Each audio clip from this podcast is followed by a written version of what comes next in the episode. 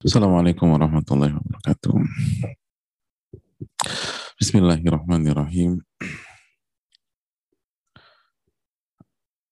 Alhamdulillahi rabbil alamin. Wabihi nasta'in ala umuri dunia wa din. Wassalatu wassalamu ala ashrafi anbiya'i wal mursalin wa ala alihi wa sahbihi wa man sara ala nahjihi bi ihsanin ila yaumidin wa ba'd. ونشهد أن لا إله إلا الله وأن محمدا عبده ورسوله لا نبي بعد uh, hadirin Allah muliakan Alhamdulillah kita bersyukur kepada Allah Subhanahu wa taala atas segala nikmat yang Allah berikan kepada kita Kita bisa hitung satu demi satu khususnya nikmat ilmu dan kesempatan belajar, nikmat iman, nikmat amal soleh, yang dengannya orang akan bahagia di dunia maupun di akhirat.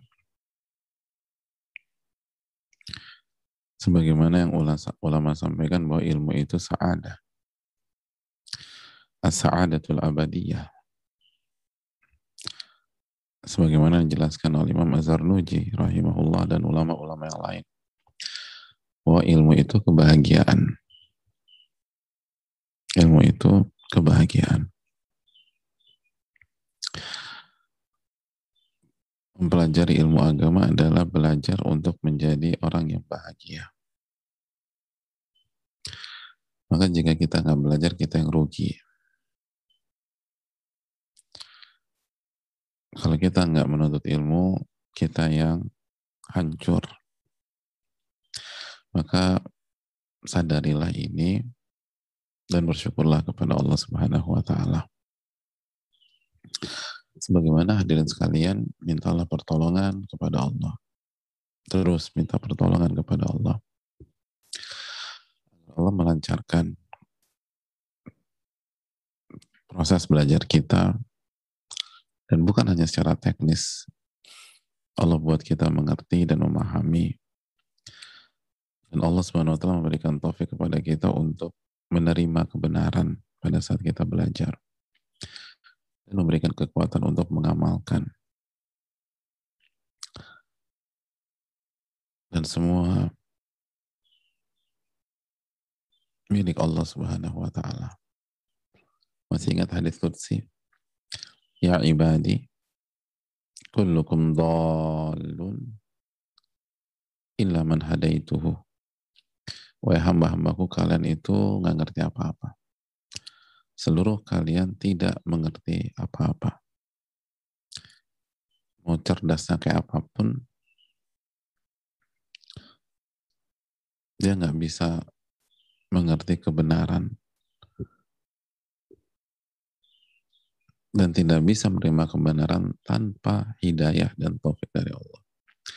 Ilaman hada itu kecuali yang aku berikan hidayah, kata Allah. Kecuali yang aku berikan taufik. Fastahduni ahdikum. Maka mintalah hidayah kepada Allah. Niscaya Allah akan berikan hidayah. Oleh karena itu hadirin Allah muliakan. Selalu minta pertolongan kepada Allah Sebagaimana marilah perkuat syahadatain kita. La ilaha illallah. Wa anna muhammadan rasulullah. Tidak ada yang berhak diibadahi kecuali Allah. Dan Rasul adalah hamba dan utusan Allah. Terus isi waktu dengan ibadah. Dan kalau ibadah ikutilah tuntun Rasul Sallallahu Alaihi Wasallam.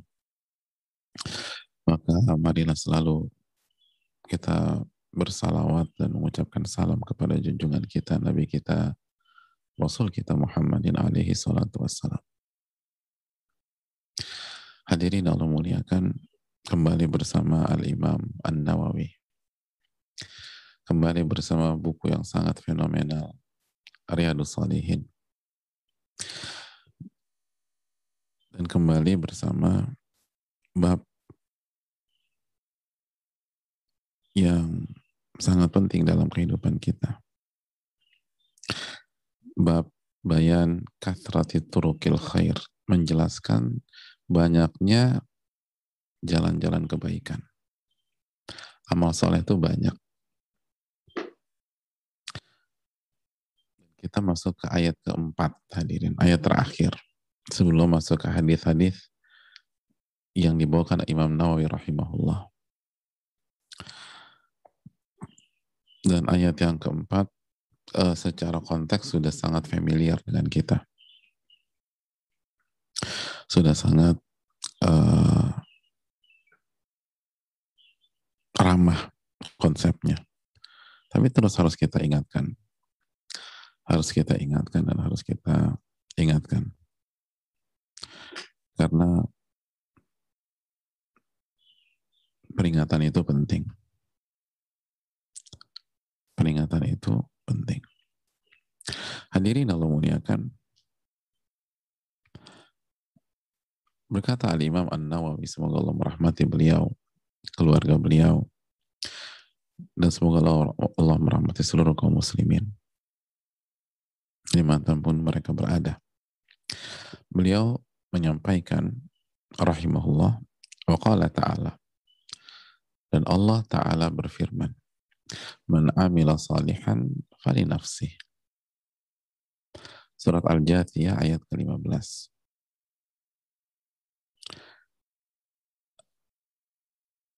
man amila salihan fali nafsih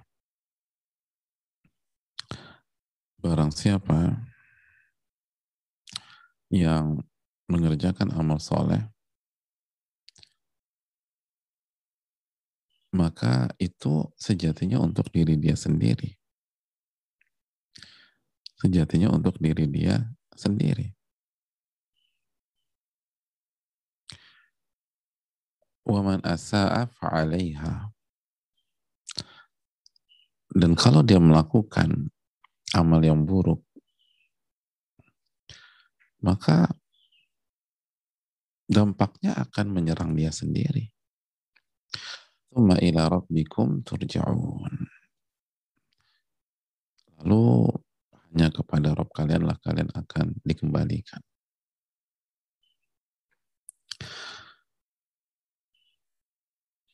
Hadirin Allah muliakan. Man amila salihan fali nafsihi wa man asa'a fa'alaiha thumma ila rabbikum turja'un. Barang siapa mengerjakan amal soleh itu untuk dirinya. Itu untuk dirinya. Dan barang siapa yang mengerjakan keburukan itu pun untuk dirinya. Maksudnya dia akan terkena getahnya, terkena masalah gara-gara keburukan yang dia lakukan. Tuma ila rabbikum turja'un. Dan hanya kepada Rabb kalian kalian kembali. Hadirin, ayat ini uh, atau konsep ini bukan hanya sekali Allah sampaikan dalam Al-Quran kita bisa membuka surat Fusilat ayat 46. Sangat mirip. Allah berfirman dalam surat Fusilat ayat 46, Man amila salihan fali nafsi. Persis ya. Barang siapa yang mengerjakan amal soleh, maka untuk dirinya sendiri. Waman asa'a fa'alaiha. Dan barang siapa yang berbuat buruk, maka dosanya dan dampaknya akan kembali ke dia. Wa ma rabbuka bidhallamin lil abid. Dan Rabbmu tidak pernah menzalimi hamba-hambanya sama sekali. Rob, Robmu itu nggak pernah zolimi satupun hamba-hambanya. Artinya Allah nggak akan memberikan dosa di atas perbuatannya. Sebagaimana Allah nggak akan melupakan amal soleh kita. Allah nggak akan zolimi. Jadi mana amila salihan fali nafsi. Wa man asa'a fa'alaiha. Sekali lagi, barang siapa yang mengerjakan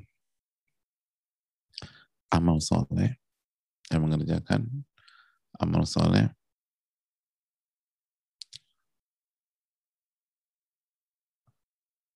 maka itu untuk dirinya.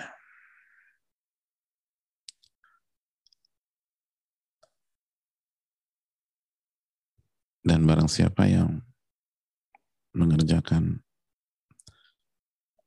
perbuatan buruk, maka itu pun juga akan mengenai dirinya. Allah nggak pernah zalim. Allah nggak pernah zalim hadirin sekalian.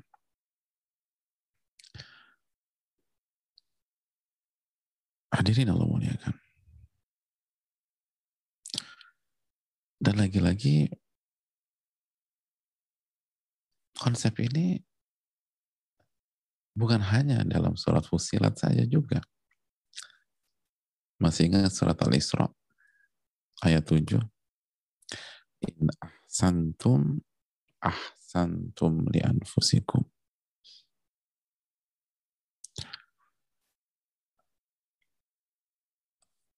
Jadi hadirin Allah muliakan, jika kalian berbuat baik, jika kalian berbuat baik,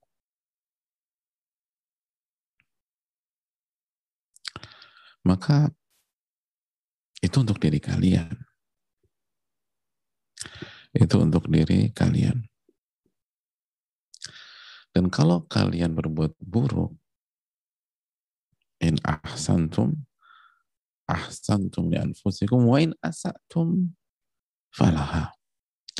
Kalau kalian berbuat buruk, dampaknya itu akan ke kalian. Jadi hadirin Allah muliakan, di banyak ayat Allah sampaikan tentang masalah ini. Di banyak ayat. Dan ini penting untuk menjelaskan bahwa kita yang akan diuntungkan ketika beramal soleh. Dan kita pihak pertama yang dirugikan ketika kita melakukan maksiat. Jadi yang diuntungkan itu kita ketika beramal soleh. Dan yang pertama kali dirugikan adalah kita ketika kita melakukan maksiat melakukan kesyirikan dan dosa-dosa yang lain. Konsep ini penting untuk ditanamkan. Imam An-Nawawi rahimahullah ta'ala memasukkan ayat ini nggak mungkin ngasal dan tanpa alasan. Uang dari abad pertama kita dibuat takjub oleh beliau. Rahimahullah bagaimana Allah kasih taufik kepada beliau? Pemilihan ayatnya hadisnya masya Allah. Ya nggak heran kalau ulama merekomendasikan buku ini. Begitu juga ketika Imam Nawawi membawakan man amil salihan fali nafsihi barang siapa yang mengerjakan amal soleh maka itu untuk dirinya sendiri ada pesan besar yang ingin disampaikan kepada kita ini tentang diri Anda.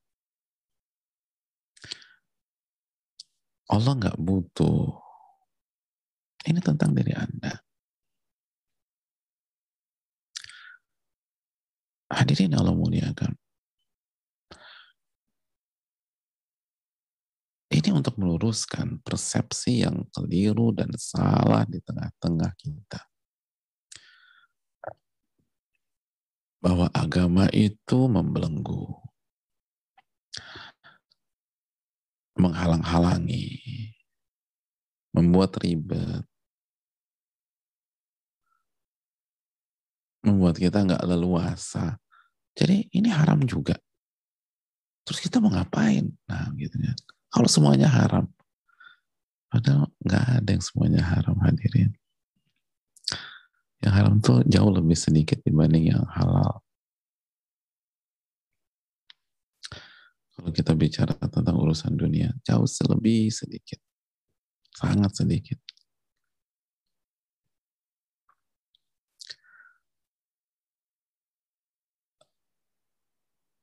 Itu yang sering kali kita dengarkan atau mungkin kita salah satu orang yang mengatakan demikian. Jadi aku disuruh sabar lagi. Sampai kapan? Enak banget dia. Hmm. Jadi ada banyak orang berpikir sabar itu beban. Sabar itu merugikan.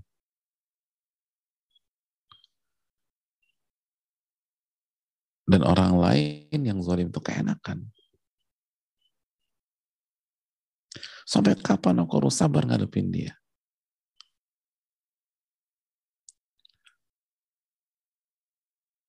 Ya.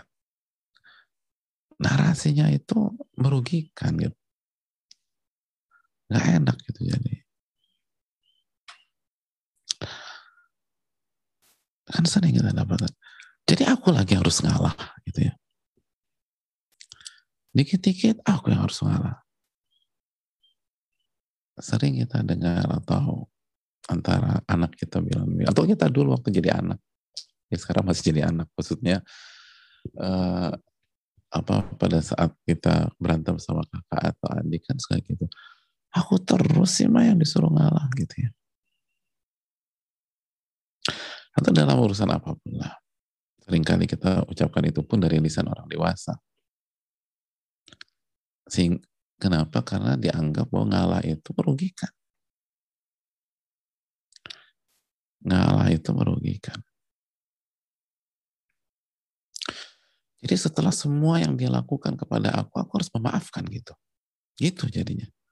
Gitu Pak Ustadz. Gitu, sambil kesel ya. Enak banget.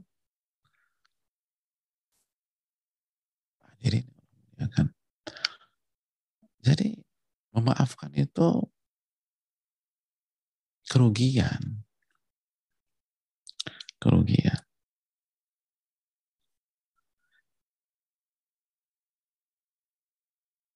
Jadi aku harus maafkan dia. Wong dia juga nggak minta maaf sama aku. Nah itu kan sering juga kita dengar tuh. Sering kita dengar.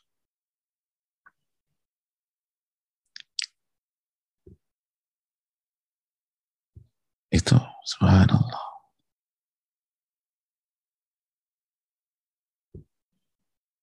Kok sholat terus sih? Kenapa dikit-dikit sholat, dikit-dikit sholat? Jadi sholat tuh kayaknya beban gitu jamaah. Nah oleh karena itu konsep ini hadir Eh, jangan salah loh, man amila salihan fali nafsi. Barang siapa yang beramal soleh atau mengerjakan amal soleh itu untuk dirinya sendiri. Untuk dirinya sendiri, bukan untuk siapa-siapa.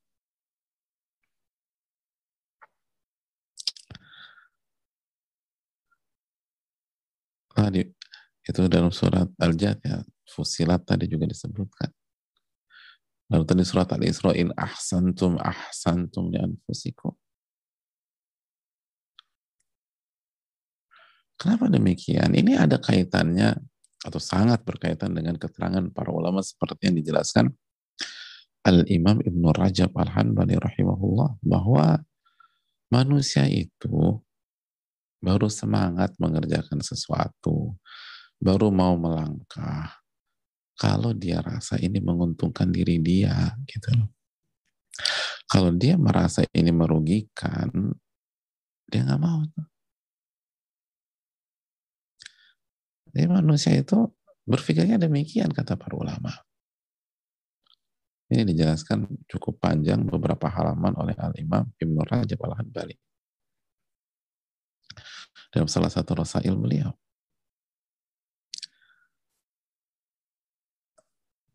Kita tuh begitu.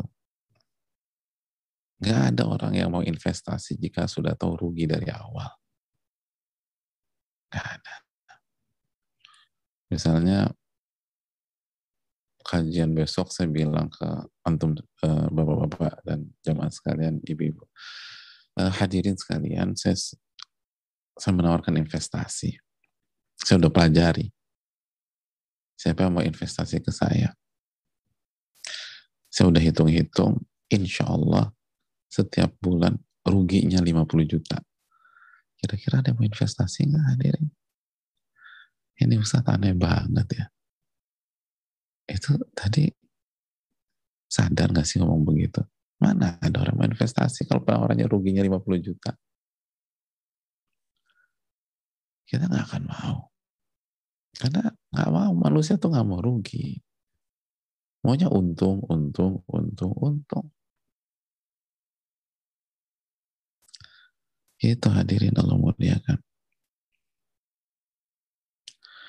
Makanya, man amila salihan fali nafsi. Barang siapa yang beramal soleh, itu untuk dirinya. Untuk dirinya. Kenapa hadirin? Karena tidaklah Allah memerintahkan atau menghalalkan sesuatu. Kecuali karena sesuatu itu baik buat kita. Baik buat kita dan tidaklah Allah mengharamkan atau Allah dan Rasulnya mengharamkan sesuatu kecuali karena itu merusak kita karena itu merusak kita Allah sebutkan dalam surat Al-A'raf 157 ويحل لهم الطيبات ويحرم عليهم الخبائث di Ya kalau di layar itu di baris ketiga ya, bukan di awal. Wa yuhillu lahumut thayyibat wa yuharrimu alaihimul khaba'ith. Jadi sebelum baris terakhir di atas baris terakhir. Artinya apa sih? Wa. Dan uh, hadirin yang di yang Rasul halalkan bagi mereka itu hanya yang baik-baik saja. Dan yang Nabi haramkan itu hanya yang buruk. Jadi yang Nabi halalkan itu hanya yang baik. Dan Nabi dan yang Nabi haramkan itu hanya yang buruk. Itu hadir. Jadi kalau itu buruk diharamkan. Itu racun diharamkan. Tapi kalau itu baik, nggak mungkin diharamkan, pasti dihalalkan. Bahkan diperintahkan. Semakin tinggi maslahat dari maslahat atau e, kandungan positif dari sebuah amalan, semakin ditekankan di dalam Islam. Makanya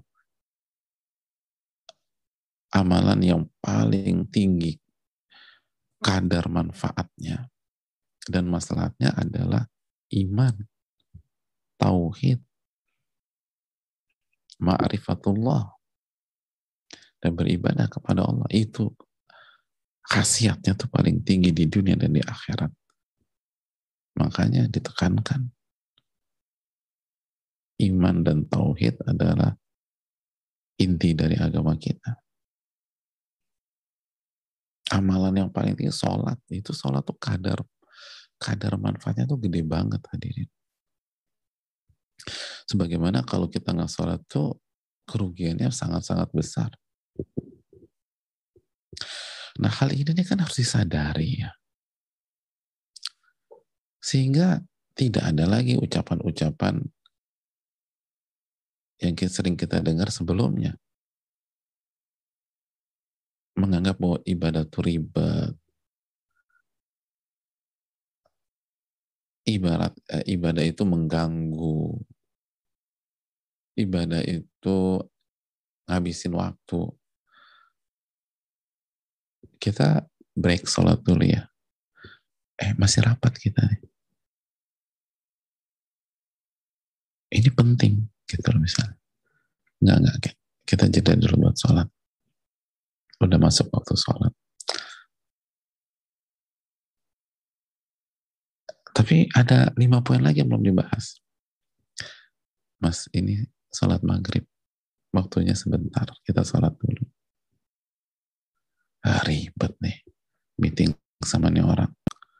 Wah, ada lima poin lagi dia malam minta sholat. Nah, ribet. Ini karena apa? Karena gagal paham. Bahwa Allah akan lancarkan meeting kita dengan kita sholat. Allah akan berkahi meeting kita dengan kita sholat.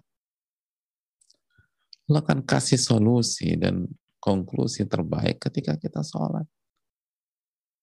Sholat ini akan kembali manfaatnya ke kita. Itu poinnya. Makanya dijelaskan oleh Imam As-Sa'di ketika menjelaskan surat Fusilat di atas bahwa uh, manfaat dari amal ibadah, amal soleh, baik yang manfaat dunia apalagi akhirat, semua akan kembali ke hamba tersebut.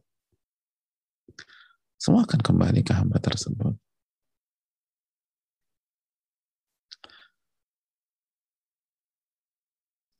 Jadi nggak ada lagi. Jadi sampai kapan aku disuruh sabar? Loh, sabar itu pahalanya unlimited. Aku protes.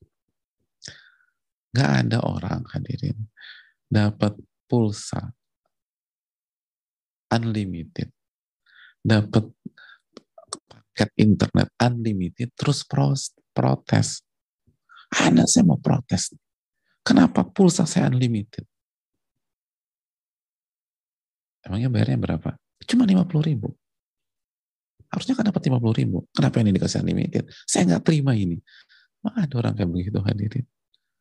Ada juga di sujud syukur. Alhamdulillah cuma bayar 50 ribu dapat pulsa unlimited. Senang. Senangnya minta ampun. Paket internet unlimited, waduh bahagia deh. Bahagia. Nah kita kan udah belajar bab kesabaran. Bahwa sabar itu pahalanya unlimited. Inna ma yuwaffas sabiruna ajrahum bi ghairi hisab. Kita udah bahas itu di bab kesabaran. Silahkan dibuka lagi. Sesungguhnya Allah akan mengganjar orang-orang sabar. Pahalanya tanpa batas, unlimited. Lu kok protes? Sabar terus, sabar terus, sabar terus. Sampai kapan aku sabar? Karena kesalahpahaman.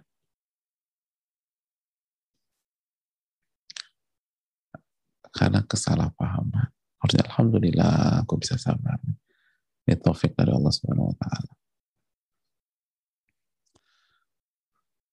Dapat pahala limited. Itu senang hadir. Kenapa? Man amila salihan fali nafsi.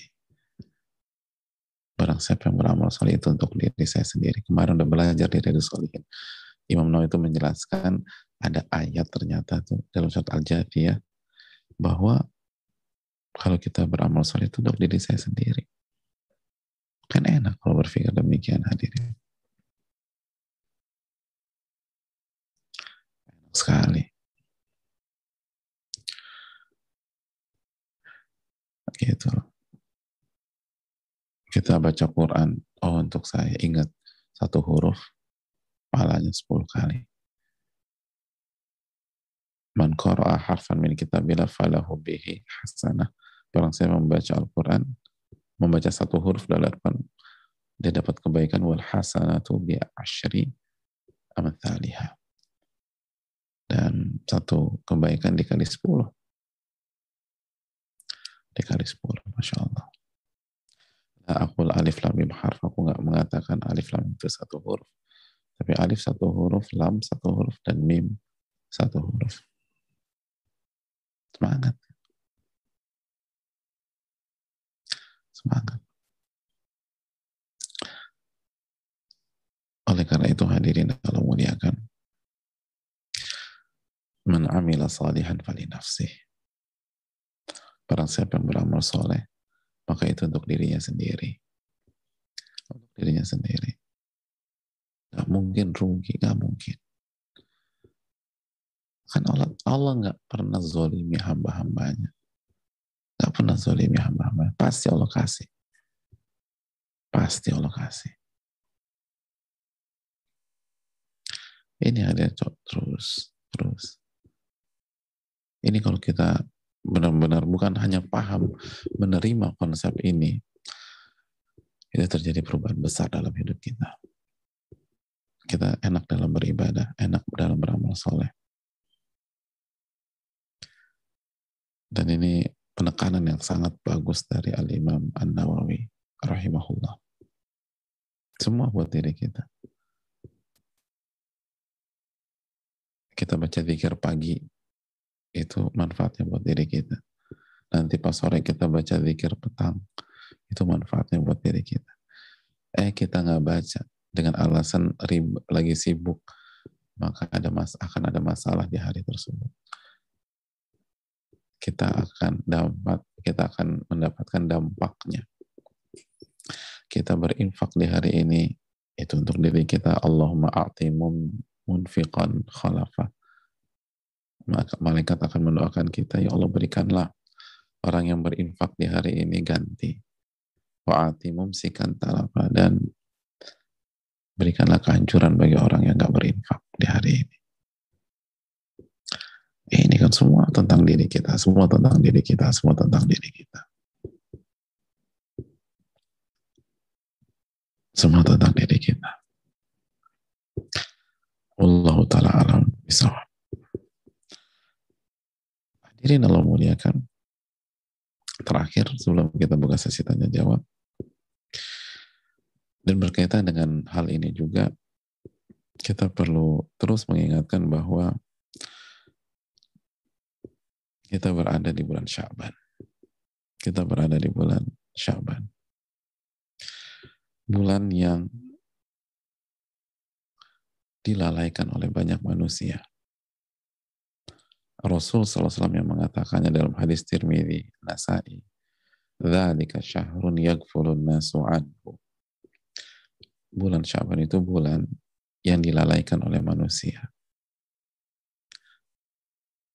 Maka jangan ikut-ikutan lalai. Dan beramal soleh di bulan ini punya kesempatan untuk mendapatkan bonus besar karena beribadah di saat manusia lalai itu bonus yang besar. Al-ibadatu fil haraji kal hijrati ka hijratin ilayya. Beribadah di saat haraj. Salah satu maknanya ketika manusia lalai, banyak fitnah dan seterusnya. Maka akan dapat pahala berhijrah ke Rasul sallallahu alaihi wasallam. Hadis Muslim. Berhijrah kepada diriku kata Nabi SAW. Jadi mumpung bulan Syaban masih masih ada cukup banyak dengan kita. Manfaatkan. Dan salah satu uh, salah satu moto di bulan Syaban, hashtag kalau bahasa sekarang di bulan Syaban itu zaman dulu tuh Syahrul Syaban, Syahrul Qurra. Bulan Syaban itu bulannya pembaca-pembaca Al-Quran bulannya pembaca-pembaca Al-Quran. Itu hal yang sangat familiar di tengah-tengah ulama klasik hadirin.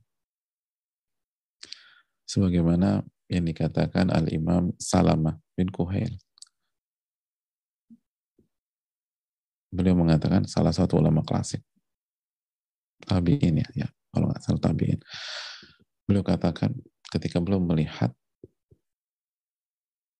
umat Islam di di di di negeri beliau ketika masuk bulan Syaban mereka fokus membaca Al-Quranul Karim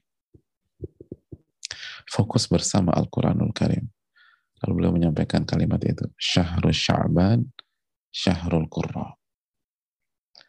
Bulan Sya'ban adalah bulannya pembaca-pembaca Al-Quran.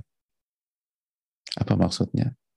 Kata para ulama, seperti Syekh Saleh Usaimi dan lain-lain, maksudnya adalah para ahli Quran. Para ahli Quran, para pembaca Al-Quran, itu menjadikan bulan Sya'ban sebagai pemanasan terakhir sebelum masuk bulan Ramadan. Sya'ban adalah warming up terakhir sebelum Ramadan. Sya'ban adalah gladi resik sebelum masuk perhelatan Ramadan. Makanya nggak heran di Ramadan mereka bisa khatam berkali-kali. Karena emang udah panas hadirin. Kalau kita pemanasannya baru di pertengahan Ramadan, baru sadar, ya Allah, Ramadan tinggal 15 hari lagi, baru buka Quran, ya pantasan aja nggak khatam-khatam. Kalah start kita ini. Makanya harus Sya'ban Syahrul Quran. Bulan Sya'ban itu bulannya pembaca-pembaca Al-Quran. Nah, nah, kita termasuk ahli Quran nggak nih? Tanya diri kita. Kalau kita termasuk ahli Quran, bulan ini kita akan semakin dekat dengan Al-Quran. Walaupun belum klimaks, klimaksnya nanti di Ramadan. Klimaksnya nanti di Ramadan. Ini ajang pemanasan, ajang pemanasan, ajang pemanasan. Ini banyak pemanasan terakhir. Dan parahnya besar hadirin. Makanya jangan lalai dengan orang-orang yang lalai. Isi hari-hari yang masih cukup, cukup lumayan kan. Sampai Ramadan nanti isi dengan Al-Quran. Buka lagi musafnya, baca lagi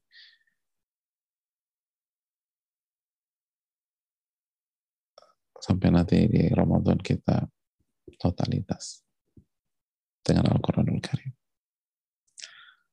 Ini bisa disampaikan. Kita buka sesi tanya jawab. Wassalamualaikum Muhammad.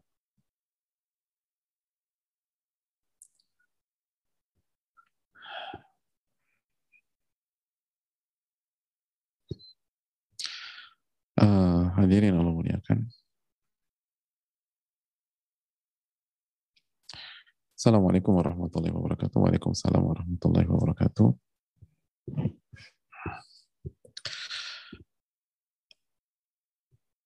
Semoga Ustadz dan tim serta eh, keluarga selalu diberi kesehatan dan diberikan keberkahan waktu Ustadz. Ustadz mau menanyakan saat ini saya membaca Al-Quran oleh handphone. Apakah itu sama saja dengan membaca dengan mushaf ataukah lebih utama menggunakan mushaf? Jazakallah khair Ustadz. Terima kasih uh, atas pertanyaannya. Hadirin Allah muliakan. Uh, silakan baca melalui handphone dan insya Allah uh, sama. Karena musaf yang ada sekarang, yang maksud musaf kertas sekarang, itu pun juga nggak ada di zaman Nabi SAW. Musaf dengan bentuk sekarang, kertasnya bagus-bagus, itu kan tidak ada di zaman Nabi SAW. Di zaman Nabi, Quran ditulis di mana? Pelupa kurma dan lain-lain dan baru dibukukan setelah Nabi Shallallahu Alaihi Wasallam wafat. Jadi insya Allah diperbolehkan dan uh, silakan perbanyak membaca Al-Quranul Karim. Allah taala bisa.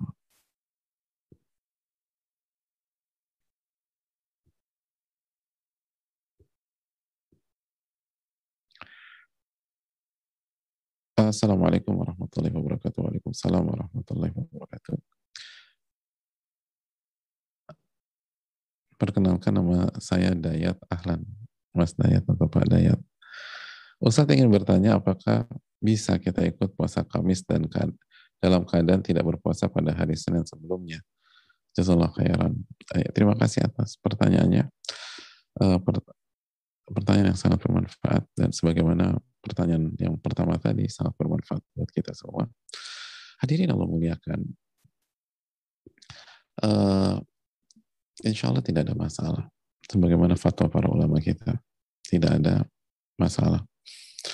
Yang di yang ada dalam hadis tentang uh, atau yang dipermasalahkan kalau puasa satu hari secara independen adalah puasa Jumat saja atau puasa hari Sabtu saja itu pembahasannya. Adapun puasa hari Kamis saja tanpa hari Senin nggak ada masalah. Jadi bukan syarat puasa hari Senin harus bersamaan dengan Kamis, bagaimana bukan syarat puasa hari Kamis harus digabung dengan hari Senin. Hanya saja kalau bisa Senin Kamis itu afdol.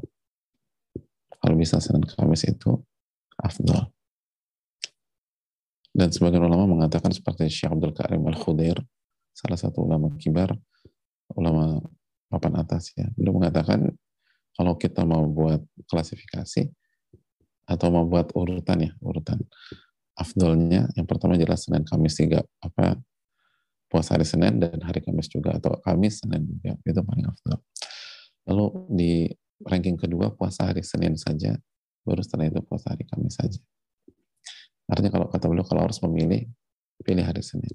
Karena hadis-hadisnya lebih banyak uh, di hari Senin dibanding hari Kamis. Itu kalau mau diurutkan. Tapi bebas mau puasa Senin saja boleh, puasa Kamis saja boleh. Dan kalau dua-duanya itu lebih afdal. Jazakallah khairan. Makasih. Itu fatwa dari para ulama kita.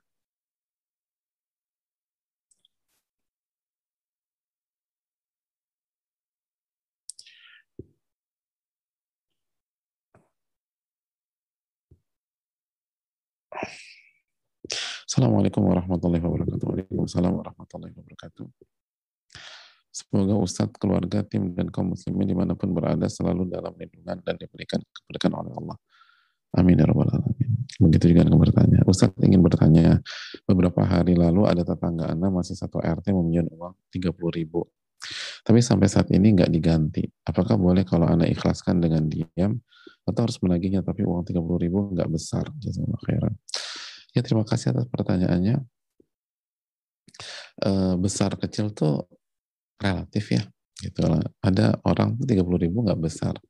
Tapi ada orang tuh 30 ribu tuh besar bagi dia untuk hari ini. Berarti banget. Bahkan ada orang tuh 100 juta tuh nggak besar bagi dia. 100 juta nggak besar. Ada orang 10 miliar tuh nggak besar. Ada orang 10 bilang nggak besar. Itu loh hadirin sekalian. Jadi relatif, relatif besar kecil. Bagi kita, bagi kita ini besar, bagi orang nggak besar. Bagi kita ini nggak besar, bagi dia itu sesuatu banget. Jadi itu uh, penekanan saja. Yang kedua, kalau kita mau ikhlaskan bagus, itu pahala besar, pahala besar. Jadi dan itu yang paling afdol. Kalau mau diikhlaskan, ikhlaskan saja. Dan gak usah dipikirin. Ya, makasih. Gitu.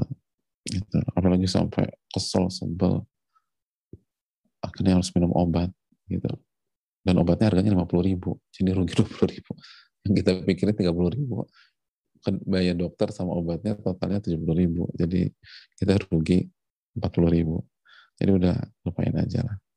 Niatkan karena Allah. Allah taala misal.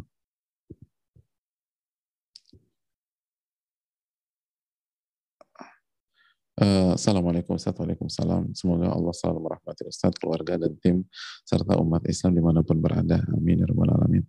Memberikan kesehatan dan sebaik-baik perlindungan. Amin. Ya Rabbal Alamin. Semoga begitu juga bagi beliau yang bertanya. Ustadz Afan saya ingin bertanya, saya seorang ibu berusia 64 tahun. Masya Allah, 64 tahun. Semoga beliau uh, istiqomah di usia-usia tersebut ya dan uh, dijaga oleh Allah. Ibu dari tiga orang anak laki-laki. Namun anak laki-laki saya ada yang gemar bermaksiat, yaitu berselingkuh dan berulang kali. Saat ini saya sudah menjalankan kewajiban saya yaitu mengingatkan. Namun hidayah Allah belum berpihak kepadanya. Apakah saya akan mendapatkan adab di akhirat kelak terkait hal ini? Mengingat umur saya yang mungkin tinggal sebentar lagi. Jazakallah khairan. Ya, terima kasih atas pertanyaannya. Uh, insya Allah tidak. Jika kita terus berusaha mengingatkan anak-anak kita dan mendoakan. Jangan lupa doain. Doa ibu itu kuatnya minta ampun. Dan belum dan nggak belum tentu uh, anak kita berubah ketika kita hidup. Ada banyak kasus dapat hidayahnya setelah orang tuanya meninggal. Tapi sebabnya itu karena ajakan orang tua. Saya tahu ada orang masuk Islam di usia 30-an tahun, itu ketika ditanya apa yang menyebabkan Anda masuk Islam? Beliau jelas bilang, pertama taufik, lalu ibu saya. Ibu saya. Oh ibu, ibu Anda ada, udah meninggal. Tapi ibu saya setiap saat ingatkan saya. Selama puluhan tahun, semenjak saya kecil. Tapi subhanallah, itu baru mengena dan menghujam setelah belum meninggal. Jadi selama hidup ibunya kasih nasihat, nggak ada yang diterima, nggak ada yang diterima, nggak ada yang didengar, nggak selewat gitu aja. Begitu ibunya wafat, itu kayak semuanya datang ke beliau dan menghujam di hatinya. Dan akhirnya setelah beberapa hampir satu tahun merenung, meresapi dan seterusnya beliau kembali ke Allah Subhanahu Wa Taala. Jadi jangan pernah meremehkan. Terus kasih nasihat dan terus doakan. Terus kasih nasihat dan terus doakan. Kasih nasihat, doakan. Kita nggak pernah tahu. Allah nggak akan sia-siakan amalan kita. Dan ini nggak cukup nasihatnya cuma sekali. Ingetin, ingetin, dan baik-baik ingetinya. Baik-baik. Jadi kita juga nggak nggak marah-marah, nggak meledak-ledak, akhirnya memudorotkan kita juga. Saya pelan-pelan gitu loh. Allah Ta'ala bisa. Insya Allah Allah akan maafkan. Asal kita totalitas di sisa kehidupan kita.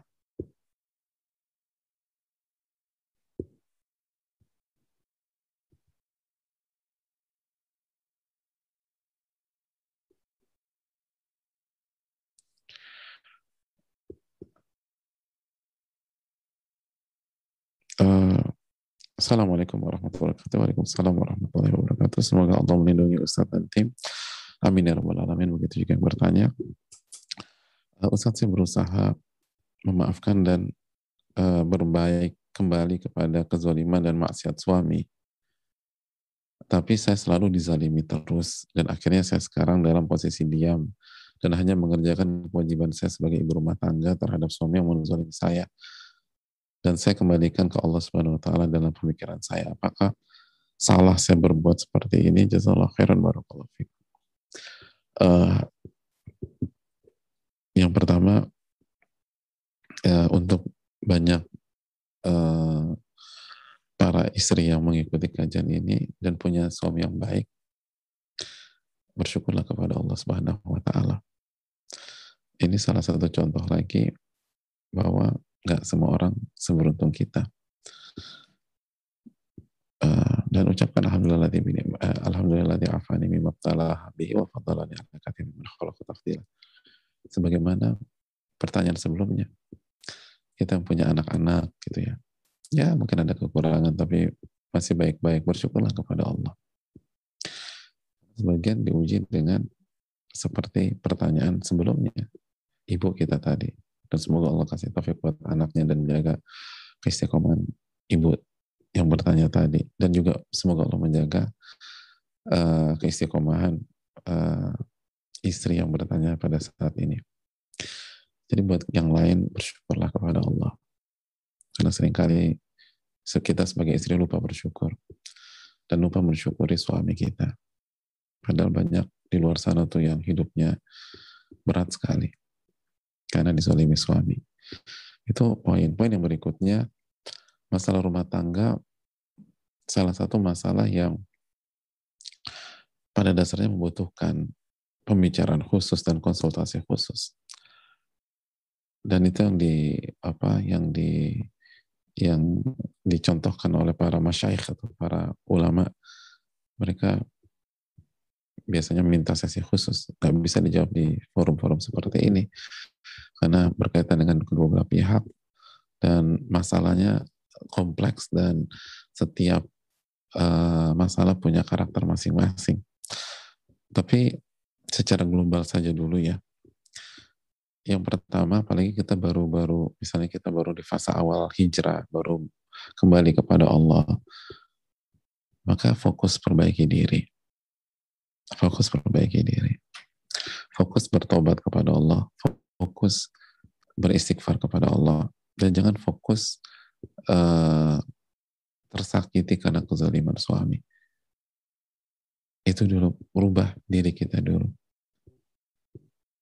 Karena ketika kita baru belajar, baru ngaji, baru berhijrah, pasti PR kita banyak.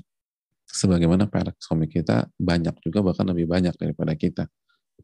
Nah, dalam mengerjakan PR, mulailah dari yang paling mudah. Dan pada dasarnya, secara umum, yang lebih mudah merubah diri sendiri dibanding merubah suami. Merubah suami susah banget gitu loh. Apalagi dia pemimpin. Jadi mulai dari kata Nabi SAW, ibda binafsik, mulai dari diri Anda. Mulai dari diri Anda. Dan dan kita tahu bersama konsep konsep kita, kezoliman yang kita dapatkan itu itu kan ada andil dosa-dosa kita. Ada andil dosa-dosa kita. Wa ma asabakum min musibatin fabima kasabat aydikum. Dalam surat Asy-Syura ayat 30, apa pun yang menimpa kalian itu ada pengaruh, ada ada sebab dari perbuatan tangan kalian. Dan Allah telah menghapuskan banyak sekali kesalahan kalian. Jadi dengan kita beristighfar dan bertobat pasti ada efek positif. Kalaupun masih dizolimi akan berkurang insya Allah atau ada hikmah lain. Jadi segera istighfar, segera taubat, lalu mendekat kepada Allah Subhanahu wa taala. Lalu yang berikutnya fokus pada kewajiban kita. Fokus pada kewajiban kita.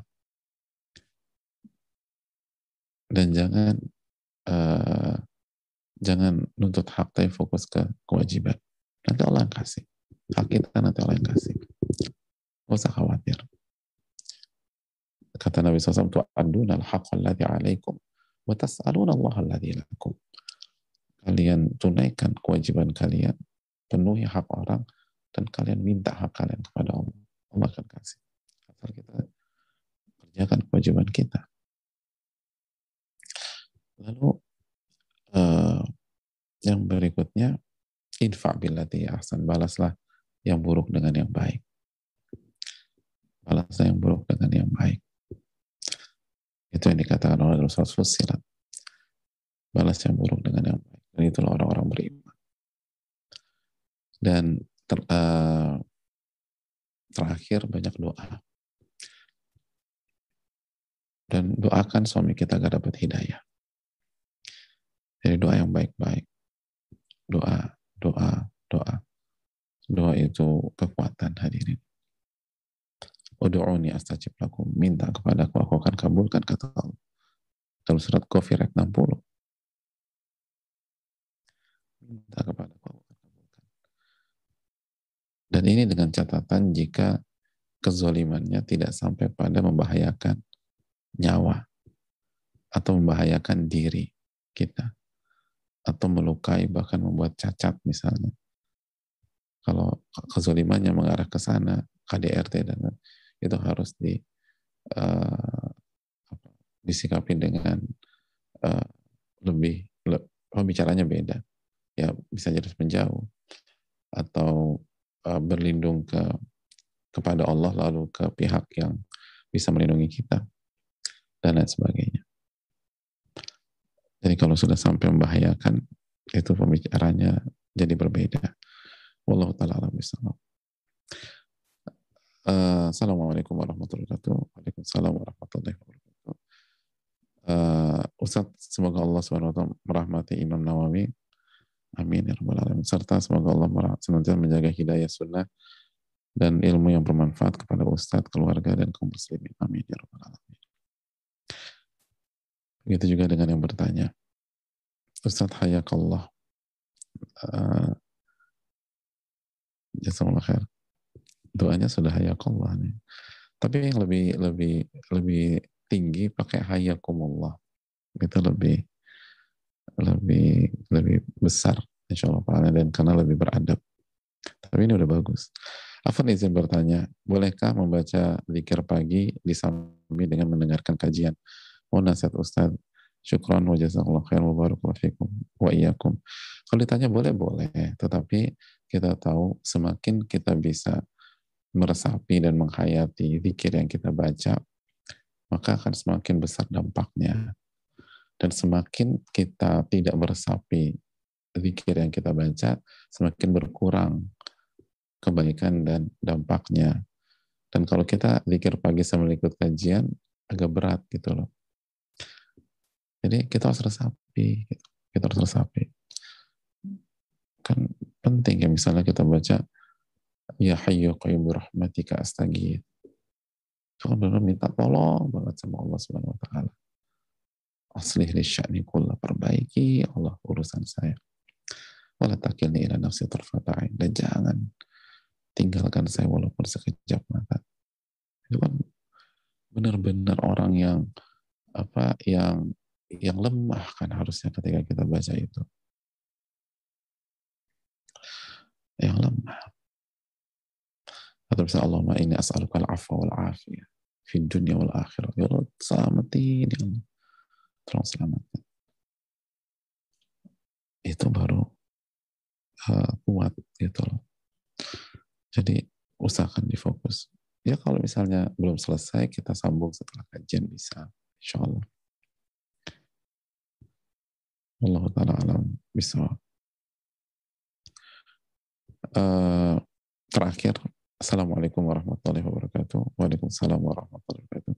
Semoga Allah memberikan hidayah sunnah, taufik, rahmatnya untuk seluruh kaum muslimin. Amin. Ya Rabbal Alamin.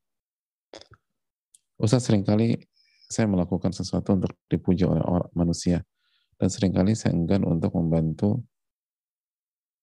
dikarenakan orang tersebut tidak meminta tolong kepada saya. Apakah tips untuk saya, Ustadz, agar terhindar dari sifat ini? Terima kasih. Ikhlas. Itu yang paling penting ikhlas. Ketika kita mengerti sesuatu untuk dipuji manusia berarti nggak ikhlas. Dan kalau itu ibadah jatuh kepada ria, syirik kecil. Kuncinya ikhlas. Jangan jangan pautkan hati kita kepada manusia, kepada makhluk. Nggak akan bahagia itu penyakit, itu racun, kata Ibnu Aun dan para ulama klasik yang lain. Jadi tanggalkan itu semua dan minta pertolongan sama Allah Subhanahu wa taala. Bisa disampaikan jazakallahu khairan. Semoga bermanfaat. Uh, semoga Allah memberikan kita ilmu yang bermanfaat dan dilindungi dari ilmu yang tidak bermanfaat. Rabbana taqabbal minna semoga Allah terima amal ibadah kita. Subhanallah wa bihamdika la ilaha illa anta astaghfiruka wa atubu ilaik. Assalamualaikum warahmatullahi wabarakatuh.